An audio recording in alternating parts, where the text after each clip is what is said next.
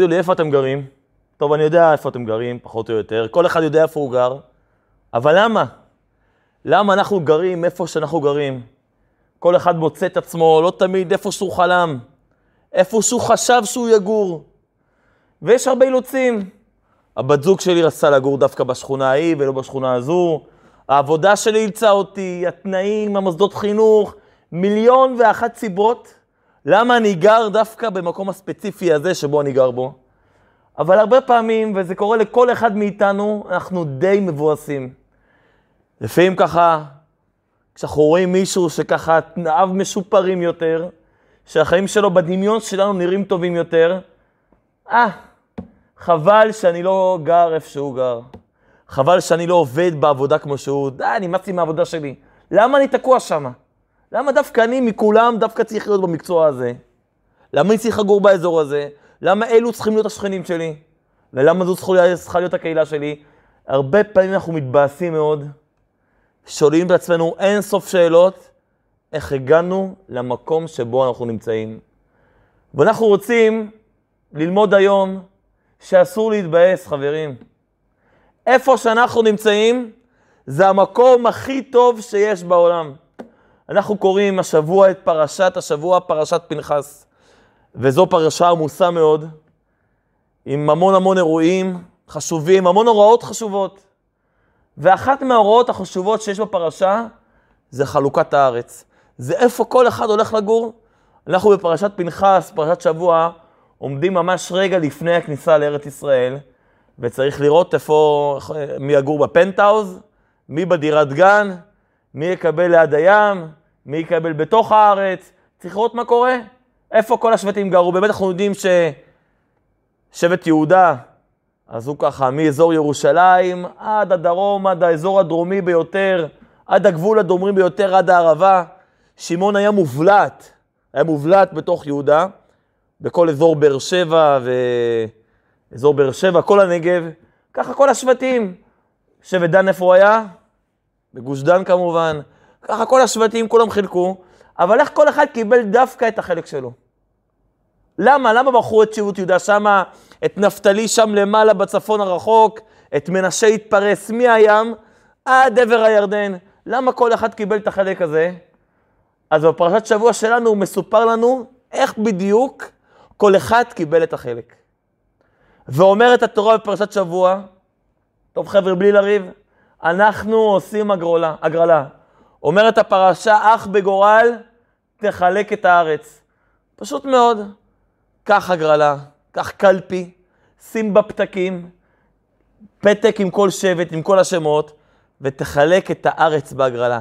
כל אחד יקבל מה שיצא יוצא, מה שרוצים, מה שיצא בהגרלה, זה בדיוק מה שהוא יקבל.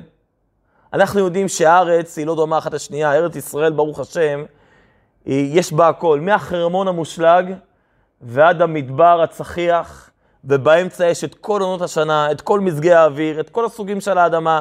אנחנו יודעים שהארץ היא מאוד מאוד שונה. היא מאוד שונה בתוך הארץ מאזור לאזור. גם אנשים הם שונים. גם אנשים, כל אחד יש לו כישרון שונה.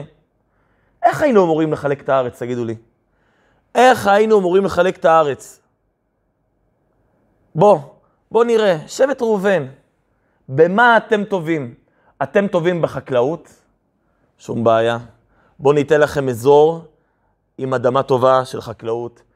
שבט יהודה, אתם טובים במסחר? בואו ניתן לכם את האזור הזה שבו עוברים הסוחרים, שבו נמצאים כל הדרכים. שבט זבולון, אתם, כתוב לחוף עמי משכון, אתם אנשי חוף, אתם נוסעים הרבה באוניות. בואו ניתן לכם את רצועת החוף. כשאני מחלק משהו, כשמכינים ארוחת ערב בבית, אז אוי ואבוי אם את המטרנה ניתן לילד בן 18, ואת הלאפה שווארמה ניתן לתינוק. למה? כי ככה יצא בהגרלה. ודאי שלא. אנחנו נדע להתאים לכל אחד בדיוק את החלק שלו. לעולם לא נעשה הגרלה בארוחת ערב בבית. ופה, כל אחד מוכשר בדבר שלו. כל אחד יודע את הדבר שלו, איך הוא הכי טוב עושה אותו. מה אומרת התורה? טוב, חבר'ה, תעשו הגרלה. מתי אני עושה הגרלה? הגרלה אני עושה שמבחינתי כולם שווים. הכל אותו דבר, אני ממש לא יודע אם ימין או שמאל, אם לבן או שחור, אני פשוט לא יודע, הם מבחינתי שווים לחלוטין. אני אומר, אני צריך לבחור אבל במשהו, נכון? נעשה הגרלה, הרי הכל שווה. אבל אנחנו יודעים שארץ ישראל היא לא שווה, והשבטים גם כן הם לא שווים. אז למה לעשות את ההגרלה הזאת? בואו נעלה דיון, נעשה פרלמנט, כל אחד יגיד מה הוא רוצה, איפה משיכת הלב שלו, איפה הכי מעניין אותו, איפה הוא מרגיש הכי שהוא יכול לנצל את כל הכישרונות שלו, הכי להצליח, ושם אני אתן לו את החלקה. למה ההגרלה הזאת? למה הגרלה? הגרלה זה משהו, זה משהו שהוא בלי שכל. הגרלה זה משהו שהוא לא רציונלי. זוהי הגרלה. זה מה שיוצא יוצא. למה עושים הגרלה? למה חלקו את הארץ בהגרלה?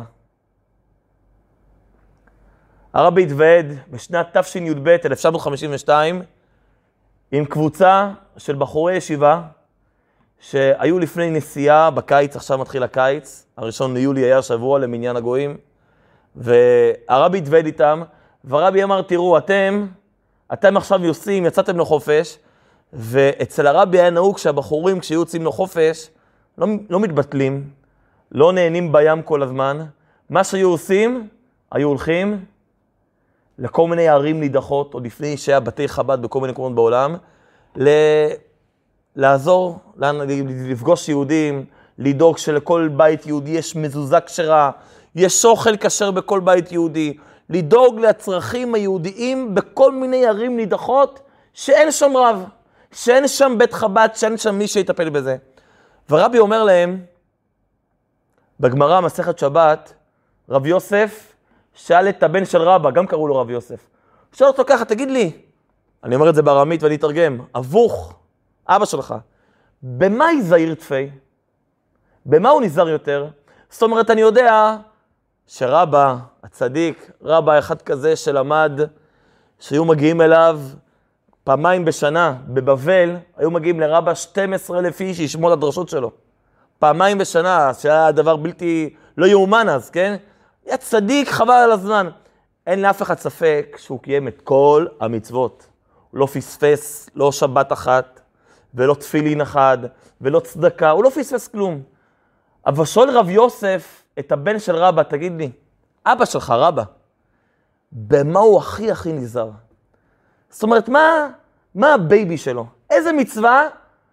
הוא ימות העולם, אבל הוא לא יוותר עליה. זה הדבר הכי יקר לו בחיים. אמר לו הבן של רבא, רב יוסף, אמר לו בציצית, אבא שלי, חבל על הזמן, ציצית, אין מה לדבר איתו. אין מצב תראה אותו בלי ציצית כשרה למהדרין. לא תראה אותו לעולם. הוא יקפיד על זה בצורה קיצונית ביותר. זה השליחות של אבא שלי. הוא מקיים הכל, אבל הוא מרגיש שבמצווה הזו, יש לו איזה עניין מיוחד, יש לו איזו שליחות מיוחדת. אנחנו לומדים בספר התניא, שכל מצווה, כשאנחנו מקיימים אותה, היא, היא, היא סוג של ממשיכה פה בעולם, מביאה מהעולם, מהקדוש ברוך הוא, אור עצמתי לעולם, הוא מאיר, היא מאירה את העולם. ורבא הרגיש שהשליחות שלו בעולם זה להביא את האור של מצוות ציצית. אבל איך הוא ידע את זה? איך יודעים? אני רוצה לדעת מה השליחות שלי. איזה מצווה אני צריך להביא פה בעולם? מסבירה החסידות, תקשיב, למה ממשיך רב יוסף להסביר על אבא שלו. הוא אומר, מאיפה אנחנו יודעים שאבא שלי כל כך הקפיד על ציצית? פעם אחת הוא מספר, אבא שלי עלה על סולם. עלה על סולם, ובאמצע נקרא לו חוט אחד מהציצית. שעות, שעות הוא היה על הסולם ולא היה מוכן לרדת, עד שלא תיקן את הציצית. זה היה אבא שלי. אין מצב יעשה פסיעה אחת בלי ציצית. וכל אחד שואל את עצמו, תגיד לי, הקדוש ברוך הוא, למה? למה? אם יהודי כל כך מקפיד על מצוות ציצית, אם זה ה baby שלו, אם זה הדבר שהוא כל כך רוצה לקיים, למה לקרוע לו את החוט כשהוא עולה בסולם? למה? למה לנסות אותו? מה אתה רוצה? הוא בסוף יישבר חלילה. כמה יהודי יכול להתעקש לקיים מצווה? שיש כל כך הרבה מניעות, שיש כל כך הרבה עיכובים. מסבירה החסידות, תגיד, אתה רוצה לדעת איזה מצווה השליחות שלך בחיים? שוב פעם, נגיד, כל אחד צריך לקיים כל המצוות, אבל תמיד יש את המשהו הזה שאתה הכי הכי מקפיד עליו. שלא משנה כלום, לא תוותר עליו. אתה רוצה לדעת מה המצווה הזו? מה המצווה הזו שבשבילה אתה מוכן לעשות הכל? תראה, אומרת החסידות, איפה שקשה לך.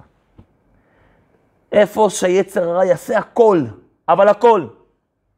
בשביל למנוע ממך לעשות את המצווה הזאתי, דע לך שזו השליחות שלך. כי יצר הרע לא פראייר. היצר הרע. היצר הרע יש לו משימה, יש לו שליחות, גם לו לא יש שליחות. והשליחות שלו למנוע מאיתנו לעשות את תפקידנו בעולם.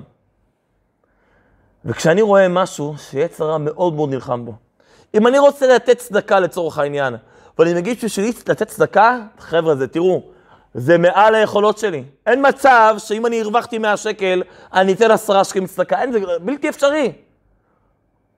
דע לך, זו השליחות שלך. צדקה. אם אני, קשה לי מאוד מאוד עם קביעת עיתים לתורה. לא יודע. אני מתחיל משהו ואני לא מצליח איתו אף פעם. אני קובע עם חבר, אני קובע עם הרב, אני מגיע לבית חב"ד פעם, פעמיים, ואני רואה שאין מצב. פתאום כל שבוע, בשעה שקרבתי לשיעור, יש לי הפרעות, ויש לי תירוצים מפה ועד הודעה חדשה. חבר'ה, סימן שהשליחות שלך בעולם זה לקבוע עיתים לתורה. דע לך, איפה שקשה לך, איפה שהכי הכי נועלים אותך וקושרים אותך, זו השליחות שלך, לכן נקרא לרבה הציצית. כי זו הייתה השליחות שלו. היצר אמר, אני חייב, תן לי, אני חייב עם רבה איזה כמה מטרים בלי ציצית. אני חייב. אני חייב לראות אותו. ואני בטוח, מדובר ברבה, אבל מישהו אחר יעמוד על הסולם, נקרא לו הציצית. טוב, אז תן לי, בסדר, עד שנסתדר. מה, אני תקוע על הסולם למעלה? עד מתי? אבל זה לא רבה. זה השליחות שלי, על זה אני לא מוותר. נלחמים בי. היה פעם, היה, פעם היו מגיעים קבוצת סטודנטים אה, לשבתות לשכונת קראונייץ, השכונה שבה גר הרבי. סטודנטים יהודים, אבל הם לא היו שומרי תורה ומצוות. הם לא היו שומרי תורה ומצוות, היו מגיעים לראות שבת בחב"ד, שבת יהודית, שבת על פי שולחן ערוך, שבת אצל הרבי, ותמיד אחרי השבת ביום ראשון הם היו נכנסים ליחידות אצל הרבי. שנים, שנים הראשונות על נשיאות של הרבי. פעם נכנס סטודנט, נכנסו קבוצה, ואחד מהסטודנטים אומר לרבי, כבוד הרב, כן, הוא היה דתי, אני יכול כמה דקות עם הרבי? אני יכול לדבר עם הרבי כמה דקות? הרבי נשאר איתו שעה ארוכה ביחידות. ושתבין, הזמן של הרבי יקר, חבל על הזמן. אבל הרבי נשאר איתו ביחידות. והוא אומר לרבי, תראה, אני התאהבתי בבחורה. אני כהן. אני התאהבתי בבחורה. הבחורה הזו גויה. אני כמובן, אימא שלי, אבא שלי, אנחנו לא מבית דתי, אבל מה, להתחתן עם גויה, בסוף לכולם יש את הגבולות שלו. לכולם יש את הגבולות שלהם, כן? אני לא אתחתן עם גויה. אז uh, דיברתי עם הבחורה, ואנחנו מאוד מאוד אוהבים אחד את השני, והיא הסכימה להתגייר, גיור כשר. התאהבה בתורה ומצוות, התאהבה בעם ישראל, ובאמת היא עברה תהליך גיור אמיתי. והיום היא יהודייה כשרה. באנו להתחתן, ואז יש בעיה. מה הבעיה? אחרי כל הדרך הזאתי, וכל המאמצים שלה, שלי גם כן, שחיכיתי לה. מסתבר שמכיוון שאני כהן, אני לא יכול להתחתן איתה. אני כהן והיא גיורת, ולכהן אסור להתחתן עם גיורת. עכשיו תגיד לי, כבוד הרב, מה אתם רוצים מהחיים שלי? חיכיתי, התגיירה, עשתה הכל. מה זה זה? נגזר עליי? אנחנו אוהבים כל כך, נגזר עליי לא להתחתן איתה? די. באמת. רבי הסתכל אליו בעיניים הטובות והקדושות של הרבי. הרבי אומר לו, תראה, הרבי מצביע על כל ארונות הספרים שנמצאים בכל החדר, חדר של הרבי, מכל הכיוונים, הכל ארונות ספרים, אלפי ספרים. הרבי אומר לו, תראה, אם אני, אני, אני יודע את כל הספרים האלה. תחשוב, זו ידיעה עצומה, גאונות עולם שלא הייתה ולא תהיה כמותה. אני יודע את כל הספרים, למדתי, אני באמת, אבל לא משנה מה אני אעשה, כמה אני לא אלמד, כמה אני לא אתעלה, כהן אני לא אהיה אף פעם. לא משנה מה אני אעשה. אני כהן, אני פשוט נולדתי למשפחה שהם לא כהנים, אז אני לא כהן, אין מה לעשות. אתה, אומר לו הרבי, אתה לא עשית כלום. נולדת כהן, אומר לו הרבי. ומכיוון שנולדת כהן, יש לך כוחות מיוחדים מהקדוש ברוך הוא להתמודד עם כל המצבים האלה של כהן. מכיוון שאתה כהן. זה מה שאמר לו הרבי. כשיש לך ניסיון כלשהו, כשיש לך קושי, זו השליחות שלך. וזו הסיבה שחלוקת הארץ, נחזור רגע לפרשת שבוע, שחלוקת הארץ, איך נעשתה? נעשתה במה? בגורל, כמובן. למה? דעו לכם, מה זה גורל? גורל זה החלטה של הקדוש ברוך הוא. זה, כמו שאמרנו בגורל, זה לא לפי שכל. אם אני רוצה להחליט משהו לפי שכל, אני לא אעשה הגרלה. אני אתן לכל אחד מה שמגיע לו.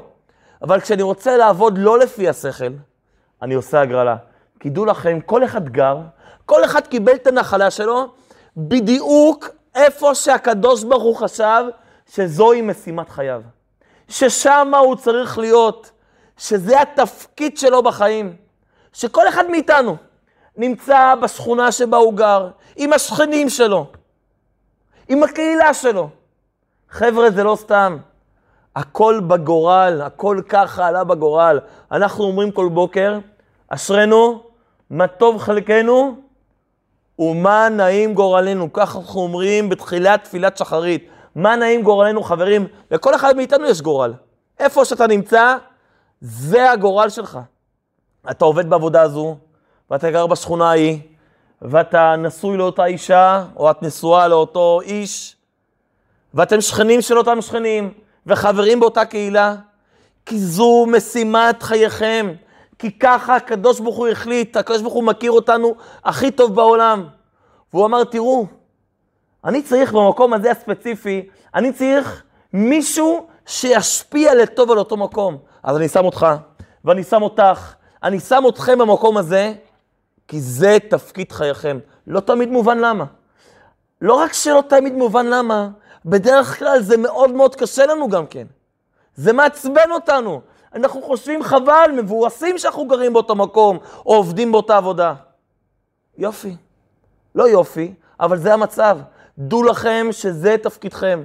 זה התפקיד. וככל שקשה לנו יותר, וככל שנלחמים בנו יותר, מי נלחם? היצר הרע, המחשבות, ההתלבטויות.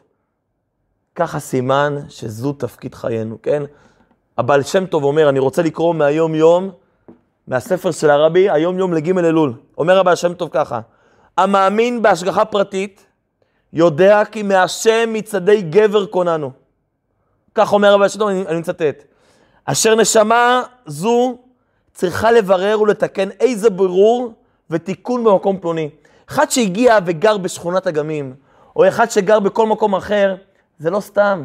הנשמה שלך או הנשמה שלך צריכים לתקן את אותו מקום, לכן נשלחתם. ואני ממשיך. ומאות בשנים, זאת אומרת מאות שנים, או אפילו משעת בריאת העולם. המקום מחכה לך. זה מדהים. נחשוב רגע. יכול להיות שמששת ימי בראשית, מהרגע שהקדוש ברוך הוא ברא את העולם, חיכו רק לך, שמה? שתבוא לאותו מקום ותעשה איזה פעולה של חסד. תעזור לבית חב"ד, תיתן צדקה לעניים, תיתן הנחת תפילין לעוד יהודי, נרות שבת לעוד יהודייה. מאות שנים או אפילו מבריאת העולם מחכים רק לך. כי איפה שאתה נמצא, לשם שלחו אותך. לשם שלחו אותך. כן? אני מסיים, נשמה זו, הנשמה שלנו, מאז נבראה, היא מחכה לזמן ירידתה לרדת מהשמיים לאותו מקום, לברר ולתקן אשר הוטל עליה. זה משימת חיינו, ואני רוצה לסיים בסיפור מיוחד מאוד. היה פעם, בא, היה פעם עגלון ועשיר שהגיעו לעיר ממש לפני שבת. חזרו מניסת עסקים, הנהג, העגלון והאיש העשיר, ונכנסו לעיר ממש לפני שבת. העגלון, כמובן אין לו הרבה יותר מדי מה לעשות בבית, אז הוא רק מוציא את החפצים האסורים מהכיס והולך ישר לבית הכנסת. אבל העשיר כמובן, הוא מגיע הביתה, והוא כמובן צריך להתרחץ, כן? שישה חודשים בשמן המור ושישה חודשים בפסמים, הוא צריך להתגנדר, להסתרק, להביא את החליפה ההיא, החפתים ההם, העניבה הזאת, לשים בושם, לוקח לו זמן, קח שומה אחר, והוא יוצא לבית הכנסת לקבלת שבת, ממש בצפצוף כבר נכנסת שבת. ואז כשהוא יוצא מהבית, הוא רואה עגלה שבדיוק נכנסה לעיר, ערב שבת, והוא רואה שהעגלון מנסה, בדיוק שקע העגלה בבוץ, ורחמנות על העגלון, מסכן, הוא צריך להגיע הביתה, והעגלה תקועה בתוך הבוץ. לעשיר יש לב טוב, הוא רואה עוד חצי דקה כבר אסור לנסוע. זה מסכן תקוע בבוץ. אז העשיר הולך איתו, מתחילים לחפור ולדחוף את העגלה, אבל מה לעשות שהעשיר לא היה מומחה גדול לחילוץ עגלות מהבוץ. אז כולו מתלכלך, כל הבגדים והחפתים והניבות והחליפות היפות, הכל נהיה מלוכלך מבוץ. העגלה אבל נשארה תקועה בתוך הבוץ. נכנסה שבת, העשיר כבר מבין שהוא לא יכול להגיע לבית הכנסת. תסתכלו איך שאני נראה. אז הוא חוזר הביתה. העגלה נשארה בבוץ, והוא חוזר הביתה, הוא לא יצליח כבר להגיע לבית כנסת. בינתיים בבית כנסת, העגלון מתפלל, העגלון של העשיר, והוא רואה שמגיעים העניים, מחכים שהעשיר יזמין אותם. אבל העשיר לא הגיע לנו לבית הכנסת. העשיר לא נמצא. לעגלון שעובד אצל העשיר, אין רשות, אין רשות להזמין אורחים לעשיר בלי, בלי שהעשיר ביקש ממנו את זה. מה קרה פה, חבר'ה? העשיר התלכלך, העגלה נשארה בבוץ, ועניים לא היה להם מה לאכול. רק בוא נדמיין שנייה אחת, אם היה קורה בדיוק ההפך. בוא נחשוב שהעגלון היה עוזר לאותו עגלה לצאת מהבוץ, והעשיר היה הולך לבית הכנסת. מה היה קורה אז? מה שהיה קורה שהעגלה הייתה יוצאת מהבוץ, ועניים היה להם מה לאכול בליל שבת. ככה זה כשכל אחד עושה את תפקידו. אבל שכל אחד כל הזמן רוצה לעשות את התפקיד של השני. העשיר עושה את התפקיד של העגלון, והעגלון חושב שהוא יעשה את התפקיד של העשיר, העגלה בבוץ, ועניים עניים. ואין להם מה לאכול. בואו נזכור את זה. נשמח בתפקיד שלנו.